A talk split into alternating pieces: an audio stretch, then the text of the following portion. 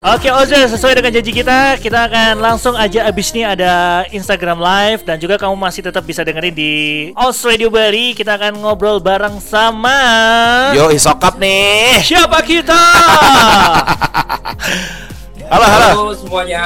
Halo. Sehat. Dari Puji Tuhan sehat-sehat di rumah. wow Iya, luar biasa. Ini di studio nih. Di Yes. studio, Bang, Di di, studio kita, di studio. Bis gimana lagi, Bang? Cuman sekarang Oh, cuman di studio. satu-satu kerjaan cuman siaran doang nih kita di sini nih. Penghasilan kita Oh, cuma gitu. penghasilan kita cuma di sini gitu kan. iya, Bang. Kayaknya kita mesti harus banyak belajar sama Bung Valen ya Betul, karena betul. uh, udah punya studio langsung di rumah dan juga mengelola satu akun YouTube yang lagi berkembang banget Mantap, sekarang. mantap, mantap, mantap. Yes. Ada perkembangan Iya. juga ya, banyak perkembangan kayak kumis juga kan lagi lagi per- perubahan juga nih, udah kumisan sekarang nih. Iya sebenarnya sih gue punya barber yang happening di sini ya. Ah. Cuman gue empati dengan orang yang nggak bisa ke barber, jadi gue ikutan nggak usah potong dulu deh. Oh iya, Oh, benar gitu. benar benar benar benar. Bukannya gue bukannya gue nggak bisa rapi, bisa Ah. banget. Iya. ya kan? Cuman banyak teman-teman gue sekarang pada mengeluh karena nggak bisa potong rambut dan sebagainya. Kayaknya nggak fair aja kalau tiba-tiba gue ganteng sendiri kan. Oh, sedap bang, atur bang, atur bang, siap. solidaritas. Ngomong-ngomong, em, gimana nih selama musim pandemi ini kegiatan seorang Valentino Simanjuntak? Ya. Ya, yang pasti untuk di off air udah nggak ada lagi gitu kan ya kita semuanya sama ya bang ya. Jadi Yes. uh, yang yang di apa namanya yang diolah-olah ini je- uh, jebret medianya ya. Ya jebret media yang lagi kita benar-benar coba ya buat bisa bikin konten dan juga bisa buat menemani para orang yang gila bola sementara udah nggak ada tontonan bola kan. Bener. Ya. Dan juga kita tayangkan setiap hari ada program sahur, ada program buka puasanya juga. Betul. Karena yang jelas sih gue gue terbiasa dengan di blacklist ya di TV. Iya. Jadi terbiasa untuk terus kalau gue udah di blacklist gue mau ngapain nih? Nah gue pikir kondisinya sekarang bukan blacklist tapi pandemi kan. Bener. Oke. Ya tapi kurang lebih sama kita di- dipaksa untuk nggak bisa beraktivitas normal kalau dalam kaitan profesi kita gitu. So Oke. apa yang bisa kita buat ya sekarang ada platformnya ya udahlah coba aja berkreasi di situ bikin apa pun itu Mhm. supaya kita sendiri juga tetap tetap kepake otaknya Mhm, mhm. penyaluran mulut ini juga kepake Yes. supaya nggak Iya, iya. diem aja dan Iya, tidur iya, aja iya. jadi bego Bener. akhirnya ya udah bikin konten demi konten yang tadinya kamar asisten rumah tangga Hmm. gua mulai rapi-rapiin mulai pindah-pindahin akhirnya sekarang bisa bisa bikin banyak konten lah dari sini gitu Lah terus asisten rumah tangga tidur di tidur di mana? Nah itu jadi pertanyaan tuh. asisten rumah tangganya sekarang kita di rumah pokoknya cuma kita doang jadi nggak Oh. nggak ada orang luar jadi ya udah akhirnya ini bisa gue pakai buat banyak banyak inilah banyak kegiatan lah di sini Mhm. Nah nih bang, eh kita kita coba coba apa balik ke zaman awal-awal gitu bang ya. Mhm. Maksudnya kayak kenapa sih? Ini pertanyaan klasik mungkin buat lu ya. Cuman mungkin banyak ozers yang nggak Harus tahu. tahu, harus tahu Iya, nih. Iya. Kenapa sih? Apa sih? Kapan lu mencetuskan kata jebret dan itu apakah spontan lu atau kayak eh, lu udah ah di gua gue pengen bikin pengen bikin kata-kata ini ah gitu. Mungkin banyak ozers yang belum tahu. Mungkin ini klasik buat lu pertanyaannya tapi ya gitu Hmm. banyak yang nggak tahu juga. Ya poinnya sih itu kan 2013 ya jadi kalau kita ngomongin itu sebenarnya udah Iya iya iya iya. tujuh tujuh tahun yang lalu gitu Benar, dan benar. dulu udah banyak ditulis tentang itu tapi sekarang kalau gua harus jawab ya jawaban gua udah bukan lagi yang dulu tentang apakah itu spontanitas atau tidak gitu Oh. tapi lebih kepada yang banyak orang nggak tahu itu kan gue juga pengajar marketing dan Hmm. juga pengajar di lembaga training ya jadi Oke. kalau boleh dibilang itu itu by design sebenarnya Oke. itu bukan spontaneous yang Iya. banyak orang pikir dan by design itu apa bahwa yang pertama ada buku yang bilang the power of kepepet the power of kepepetnya tuh ada Hmm. kedua jargon ini masuk ke dalam differentiations dan positioning dalam marketing maka gue masukkan itu juga kenapa jargon itu ada Oke. adanya positioning dan different differentiations gue dari para pembawa acara bola yang lain Oke. dan yang ketiga adalah berkaitan dengan copyrights, Oke. intellectual property rights. Karena jebret gue E-nya 3, so gue daftarkan. Jadi ada beberapa brand dari dulu pakai buat iklan segala macam ya gue somasi dan akhirnya mereka harus bayar ke gue. Jadi itu sudah gue pikirkan. Tapi kenapa mesti jebret? Itulah itulah buah kreativitas di mana kita terus menggali, menggali, menggali satu kata, dua kata, tiga kata nggak ada yang tembus. Jebret ini zaman gue kecil di kawasan Jakarta pinggiran itu kalau main bola nendang dibilangnya jebret. Iya, Jadi iya, iya, iya, iya. mele- meledaknya di situ. Nah, hal itulah yang gue pikir sekarang terjadi juga dari teman-teman yang mau mencoba berkreasi di tengah COVID-19 ini.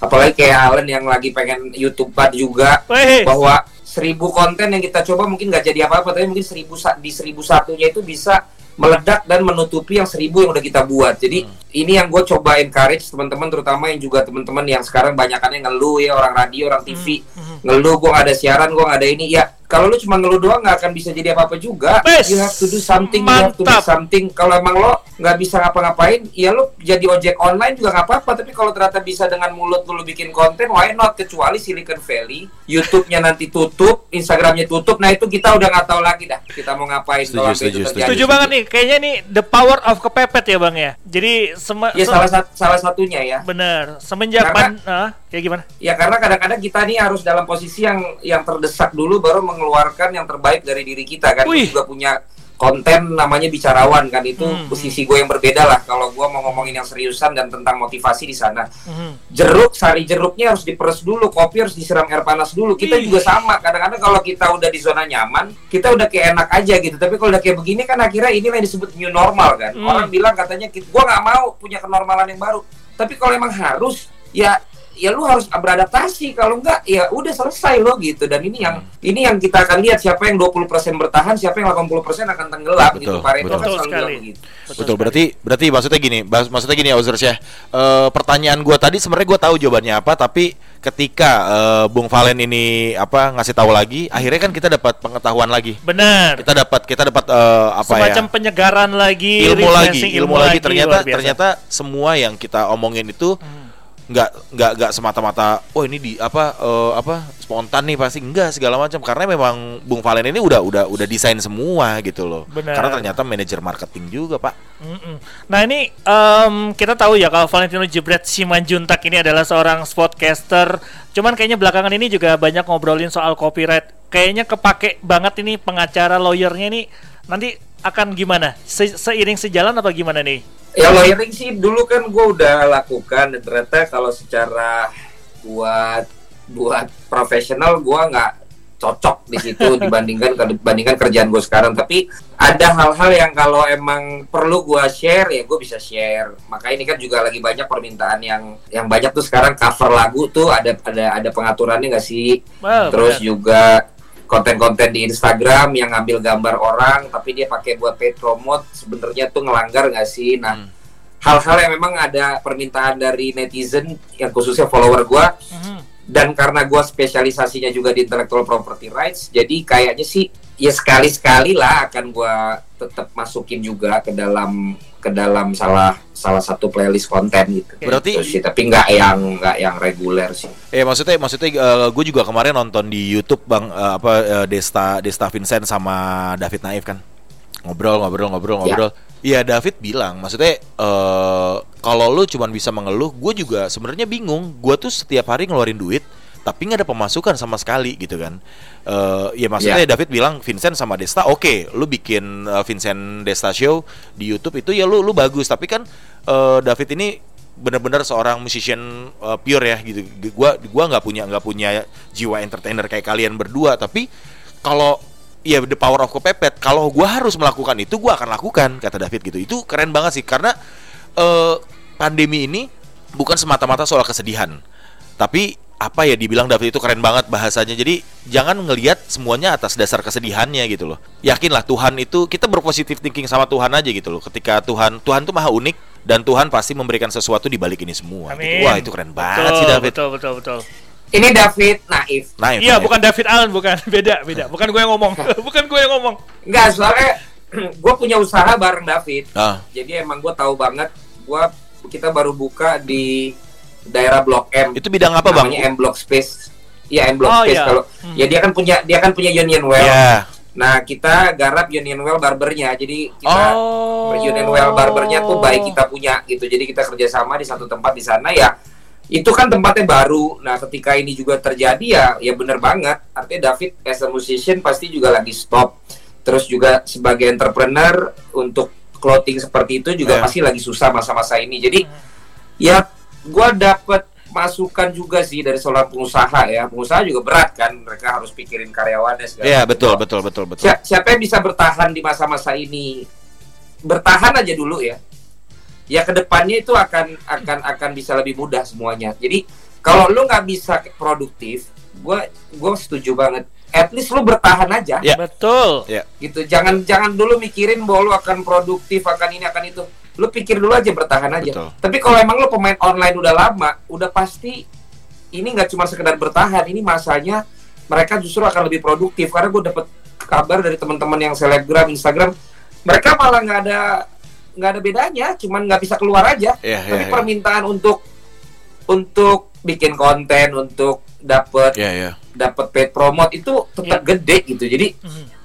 ya gitulah. Emang ada dua sisi selalu yang challenge sama opportunity kan. Cuman kalau eh, Bung Valen ini kan punya tim ya. Kalau kita masih pemain kecil ini yang main media kreatif itu kebenturnya sama ini nih editor. Kita ngedit-ngedit sendiri. Eh, tim tim eh, semuanya ready di sana juga ya bang ya. Sebenarnya sih, nah itu yang memang mungkin orang banyak nggak tahu bahwa ya gue juga mengawali itu semua kan dengan dengan dengan nggak ada orang juga. Gitu. Hmm. Makanya ada yang bilang kan you don't have to be perfect to start but you have to start to be perfect. Jadi kalau lo kalau lo cari reasoning, kalau lo cari alasan gua nggak punya ini, gua nggak punya itu, itu akan jadi karakter lo sampai kapan pun. Betul. Hmm. Eh, Gua gua selalu gua akhirnya gua akhirnya buang itu bahwa dengan keterbatasan gua, gua bisanya melakukan apa. Oke, gua nggak bisa editing. Hmm. Gue cari partner yang dulu gue pikir juga passionate di situ. Karena kalau passionate dia nggak mikirin duit dulu. Hmm. Tapi kalau profesionalism pasti dia mikir satu kali editing gue berapa. Hmm. Gue cari yang sama-sama gila. Gue gila ngomong, gue gila bikin konten, dia gila editing. Hmm. Kita kerja sama aja dulu. Itu yang waktu itu gue lakukan pertama kali. Hmm. Gue pinjem duit karena posisi gue bikin pertama kali jebret TV belum jebret media TV adalah gue dipecat dari dua tempat training dan gue di blacklist dari tiga TV. Jadi gue benar-benar waktu itu minus. Gue pinjem duit, gue pinjem duit, gue buat, gue buat, nggak laku juga. Sampai akhirnya kayak satu setengah tahun setelah itu gue dapat konsep untuk gue bi- bikin keliling stadion. Di situlah baru akhirnya YouTube gue mulai dilihat, Instagram gue mulai di ini. Nah itu kan ada tuh Tuh. jebret tim ya. Ini salah Nah, itu- satu yang yang pernah abang kasih ke gua nih di Stadion Pakansari waktu lagi nyetadion. Wah mantap. Nah itu jadi itu ternyata stepping stone gua. Hmm. Tapi lagi-lagi gitu nggak yang waktu lu pengen jadi bermain sebagai konten kreator terus lu dapet itu kan. Hmm. Gua benar. perlu proses 2 tahun. Gue jebret meledak 2013, gue baru dapat iklan 2018. Hmm. 5 tahun. Hmm. Gua jebret 2013 baru dapat Panasonic Award 2018, 5 tahun. Jadi kayak sekarang nih kita juga nggak pernah tahu guys. Yes. Lo bisa aja bikin konten kayak Ibnu Jamil lah. Ibnu Jamil tuh anak baru di dunia presenter tapi langsung dapat semua cepet banget. Hmm. Gua udah lama lama dapatnya. Jadi emang it took time Ya. sama endurance gitu. Hmm. Nah banyak orang sekarang nggak tahan dengan dengan waktu untuk menunggu itu kan. Betul, nah betul, ini betul. kita juga kan kabarnya untuk vaksin yang kalau belum ketemu guys, Kita nggak akan Ya, bisa hidup normal lagi. ya minimal akan itu dia akan ada kebiasaan baru yang lo harus terima. Hmm. Oke. Walaupun nanti mungkin udah nggak di udah nggak di PSBB dan lain sebagainya. Oke, oke. Apakah kita ready nggak untuk itu kan gitu? Amerika aja udah menentang kan. Iya, iya, iya. Hmm, hmm. Oke. Satu satu lagi nih, ada yang mau tanya nih. Eh, beberapa waktu yang lalu ya, ada seorang Indonesia dengan memakai seragam ini berjalan di sebuah stadion di Inggris, kemudian bertemu dan bersalaman dengan seluruh pemain Liverpool. Boleh ceritain dikit Ah, Bang, lebih, te- le- le- lebih tepatnya mereka nyelamatin gua lagi ulang tahun itu jadinya. Iya, pas banget ulang tahunnya Bung Valen ya. Waduh, ini keren banget. Tahu nggak lo? Kalau itu sih jelas Yes. Salah satu momen momentum dalam hidup lu gimana, Bang? ya gue udah lama dalam momentum yang gua membuat orang salah tingkah ya. Betul. Dan di momen itu dan di momen itu terbalik di momen itulah gua dibikin salah tingkah. Hmm. Karena gua basically datang ke sana gua nggak pengen yang ada dibikin-bikin begitu makanya waktu itu gue sempet agak cekcok dengan teman kita yang mencoba mendesain kejutan itu namanya Simon Enggolan ya. Jadi dia Mhm. mencoba untuk ngomong, mendesain, mengcreate supaya itu terjadi dan di sinilah faktor yang dibilang show me your friends and I'll show your future kan. Yes. Ini benar-benar karena pertemanan. Gue kenal Bang Simon, Bang Simon mewakili Pak Wandi Wanandi yang punya saham di Tranmere ya. untuk datang ke sana, kita datang ke acara itu, ketemu dengan chairmannya segala macam, ketemu dengan PR directornya, Mhm. terus mereka bilang we have to do something so kita bisa ada suara juga nih kedengeran di Jakarta. Akhirnya ide gila itulah yang bergulir. Bang Simon bilang ke Lee Meketir namanya, bisa Hmm. nggak kita bikin sesuatu pas masuk lapangan? Tadinya bola atau apa gitu. Tapi akhirnya malah dia bilang gini aja deh, lu mau nggak untuk jalan di depan para pemain? Nah, kan dia mainnya di Tranmere. Mhm. Jadi Tranmere udah punya yang jalan di depan. Liverpoolnya belum ada katanya. Anjay, Liverpoolnya pula kan. Jadi gue pakai baju Tranmere, di belakang gue James Milner, man. Wow. Itu kan pemain favorit gue. Mau ada Salah, mau ada Firmino, mau Iya, ada iya, iya. Mane, bagi gue Milner idola gue untuk sekarang. Karena sama sama gue karakternya keras, udah berumur, Mhm. tapi ngotot gitu kan Yes. dia di belakang gue baru yang lain-lain yang ada di belakang gue gue jalan ke lapangan ternyata itu tayang di LFC TV Betul. jadi gue belum posting tuh semua rame banget capturein gue terus di kolom komen YouTube-nya LFC juga pada ngomong kasar gitu kan ini siapa nih Iya, bener, orang bener, si bener, Aing?" bener, bener. itu ya kan gitu Benar benar benar. akhirnya rame dan yang nggak gue lupakan adalah kayak gue lagi ulang tahun gue diri di situ gue kan posisinya berdiri dan gue nyalamin pemain-pemain Tranmere-nya kan Mhm. Nah pas pemain Liverpool kebalik, dia yang jalan ke sini dan mereka nyalamin gue. Yes, that's ah, gila itu sumpah bikin se-Indonesia iri banget sama lu, Bang. Anak Big tuh pada iri semua sama lu, Bang. Luar biasa. Jadi jadi keviralan gue lagi di situ tuh cuman bisa dibandingkan dengan Prabowo sama Jokowi lagi naik MRT bareng waktu itu. Iya bener. Gila itu gimana? Ini apaan nih? Karena lu bayar pun nggak bisa, men. Belum tentu Hmm. bisa. Gitu. Hmm, Ini iya. karena bener-bener temen dan Iya. dan dan ya blessings lah. Nah, eh, Bang Valen, lu lu lu eh, apa lu kan eh, orang tahu lah lu penggemar Liverpool itu Hmm. dari tahun berapa sih, Bang? Basically gue Liverpool nih. Kalau gue boleh, gue udah pernah bilang sih.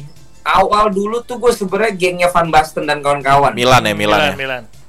di Milan gitu loh. Dan kemudian akhirnya gue mulai benar-benar ke Liverpool ya pas lagi zamannya nggak terlalu tua, gua nggak terlalu tua untuk Liverpool kayak zamannya uh, McManaman, Oke. Fowler, ya Ian Rush lah sedikit gitu. Jadi nggak Eh. nyampe yang level-level atasnya lagi. Di situ gue melihat tim ini tuh more than a club, mirip-mirip juga sama kayak family club lah, mirip kayak AC Milan sebenarnya Oke, oke, oke, Iya, oke, iya, oke. iya. mirip kayak AC Milan dan gue senang yang punya filosofi kayak gitu dan juga punya basis di sini yang oke gitu kan Aha. akhirnya gue mulai menggilai Liverpool dan tapi bodohnya gue ya gue sama sama aja ya gue menggilai Liverpool gue menggilai timnas Belanda dan gue menggilai timnas Indonesia Hmm. semuanya sama nggak pernah juara jadi gue kayak oh gue goblok banget ya gue seneng gue sama tim yang gue selalu dibully ya timnas juga susah juara Belanda kagak pernah juara Liverpool juga Liverpool pun kagak juara. belum tentu Jadi juara. kayaknya emang- Iya bro, tapi gini karena gue seorang pembicara juga ya kadang-kadang kan kita perhatiin apa patternnya gitu. Hmm. Karir gua juga sama, karir gua tuh nggak pernah yang dikasih cepat jadi. Hmm. Iya, iya, iya, iya. karir gua tuh dikasih paham. yang selalu lama, yang gue pikir gua udah ketuaan, gua, gua baru dapet ya. Dan di situlah akhirnya gue sambungin bahwa uh, corporate values sama personal values gue sama nih. Bahwa gue tuh orang yang harus disuruh berproses sehingga ketika lu ngomong lu nyambung Iya. bahwa lu tuh emang orangnya tuh mau nunggu lu mau Iya. kerja keras makanya begitu kalau 30 tahun lu gimana kalau nggak juara gara-gara covid ya gue sebel tapi ya udah emang jalan hidup gue kayak itu disuruh nunggu Tapi tapi memang memang sebenarnya buat buat gue ya, Bang ya. Oh, oh, yang yang apa? Buat gue nih, orang pinter itu kalah hebat sama orang sabar. Ya ya ya boleh, iya, boleh, buat boleh, gue buat gue itu orang pinter itu kalah hebat sama orang sabar. Karena ini kalau gue dulu filosofinya gini bang. Jadi gue pernah ini depan mata gue persis ya. Jadi gue lagi di daerah Mampang tuh di Jakarta Selatan. Gue lagi naik motor di lampu merah tuh lampu merah kan gue di nungguinnya di zebra cross gitu nungguin kan. Set. Terus ada nih orang naik motor. Ya elah kan kalau di Jakarta kan eh lampu merahnya ada angkanya tuh. Set, set, set, set, set. Ya. Itu tinggal 5, 5 detik lagi cuy 5 detik, 5 detik lagi tuh orang nggak sabar Terus ketabrak nih Brak Gue cuma Hmm. ngomong gini Buset Padahal tinggal 5 detik lagi ya Gitu loh Lu kagak sabar banget Maksud gue gini Dan gue akhirnya sok sok berfilosofinya adalah Oh semua kesusahan itu pasti ada jalannya orang lampu merah aja pasti ada hijaunya gue mikirnya gitu aja Hmm. gitu loh Hmm. Ya udah ya yang penting yang penting sabar aja udah pasti ada hijaunya kalau nggak sabar lau ketabrak nih gitu kalau gue mikirnya. Dari lampu merah gitu. Bener Makanya- bener bener. Iya makanya ya ini Ya, kayak yang, pe- yang oh, penting sambil yang penting sambil lo bersabar itu apa yang bisa lo lakukan lo lakukan gitu. Jadi Betul, nggak betul. nggak ketiduran juga pas lagi nunggu lampu merah. Kan kalau Betul. ketiduran lo ditabrak juga dari belakang. Iya, betul. Apalagi- apalagi ke ini bang apa ya kehalang sama kehalang sama sales-sales yang flyering ini spa massage gitu ya kan biasanya daerah pejaten kok tuh. di Mampang ada sih? Pejaten pejaten pejaten pejaten. Ada ya? Ada ntar gua ntar gua ajak nih kapan-kapan. Gua, gua, gua kira di Wijaya. Oke, eh, terakhir nih, kita udah mau habis sih kalau di Iya. Bali. Sekarang udah jam 5 Nih, boleh nggak, eh, Bang, kita berdua, oh iya di Bali jam 5 ya. Udah jam 5 kita Yes, berdua, yes, yes, David dan Bimo, boleh nggak? Tolong dideskripsikan kita berdua nih lagi ngegocek bola, mau nyetak gol Oh, dan iya, iya. yang nyetak gol David apa Bimo ya? Pokoknya ak- aksis David si Bimo yang nyetak gol. Boleh nggak? Tolong dong biar dapat suasana jebretnya iya ya. iya iya iya iya asik deh asik Ya, deh. ya. David Asik. kepada Iya, Bimo. Kak. Ya. Terakhir nih. Yes, yes, yes. Baik, semua pemirsa di mana pun Anda berada, bagaimana kita saksikan hari ini di Stadion Kapten Iwayan Dipte, Gianyar, Bali. Para pemain sedang bersiap-siap dan kita lihat kita saksikan kali ini bukan para pemain Bali United, tapi adalah dua penyiar dari Os Radio yang saat ini sedang mencoba untuk menggiring bola dari belakang. David Allen menggiring-giring bola, dia melakukan gerakan 378 antar kota provinsi, memberikan gerakan-gerakan sangat cepat kita saksikan, mencoba menerima, menerima dan juga memberikan umpan. Ada Bimo yang sedang menantikan bola, Bimo masih meminta bola mengangkat tangannya. David, David, David, mana oper bolanya? David masih menggiring-giring bola, kita lihat satu kesenangan kita pada setiap membuka puasa tapi kita masih tetap melakukan kirim bola. Bimo semakin bergerak dan angkat bola di udara. Apa yang terjadi? Bimo mengontrol dengan dadanya dengan kakinya dengan kepalanya. Melakukan serangan. Apa yang dia lakukan? Dan ya ampun ya ampun ya ampun. Ya beda kembali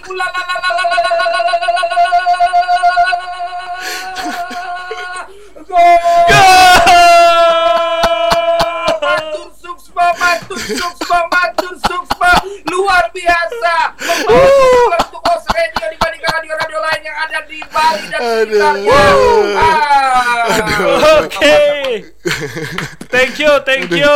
Terima kasih. aduh aduh gokil. Aduh luar biasa Oh, iya. You, gokil. bang bang gue mau nanya bang satu hal nih terakhir Ya beli Eh, kan lu kan jebretnya E nya tiga ya Hmm. Yes. itu inspirasi masih Sky ya bagaimana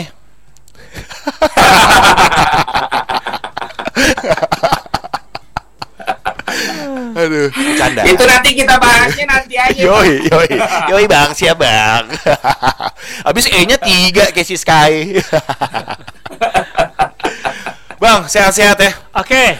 Dan juga Sama-sama salam juga Salam semua di Bali, Betul. sehat semua, taat semua dan stay safe, stay at home. Yang pada harus kerja ya harus kerja. Mau dan nyap- harus cari duit, Hmm. cari duit dah. Sip. Mau nyapa juga Bapak Wandi Wanandi yang lagi lihat kita live dan juga Bapak Simon Maenggolan. Terima kasih semuanya udah Cakep. support. Wah, Dan si- juga Simon Nenggolan pemain Cagliari itu pemain Cagliari.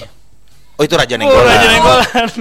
Iya, beda Pak, tapi ada hubungan saudara kan. Oh, pasti. Yang jelas itu sih good man attract good man. Nah, itu kan gua bertiga kan orang-orang baik ya Yes. kan, orang-orang baik di depan publik Amin, ya kan. Heeh. Makanya di attract. Oke. Dan juga salam buat teman-teman Liverpool di WhatsApp grup Liverpool juara 2020.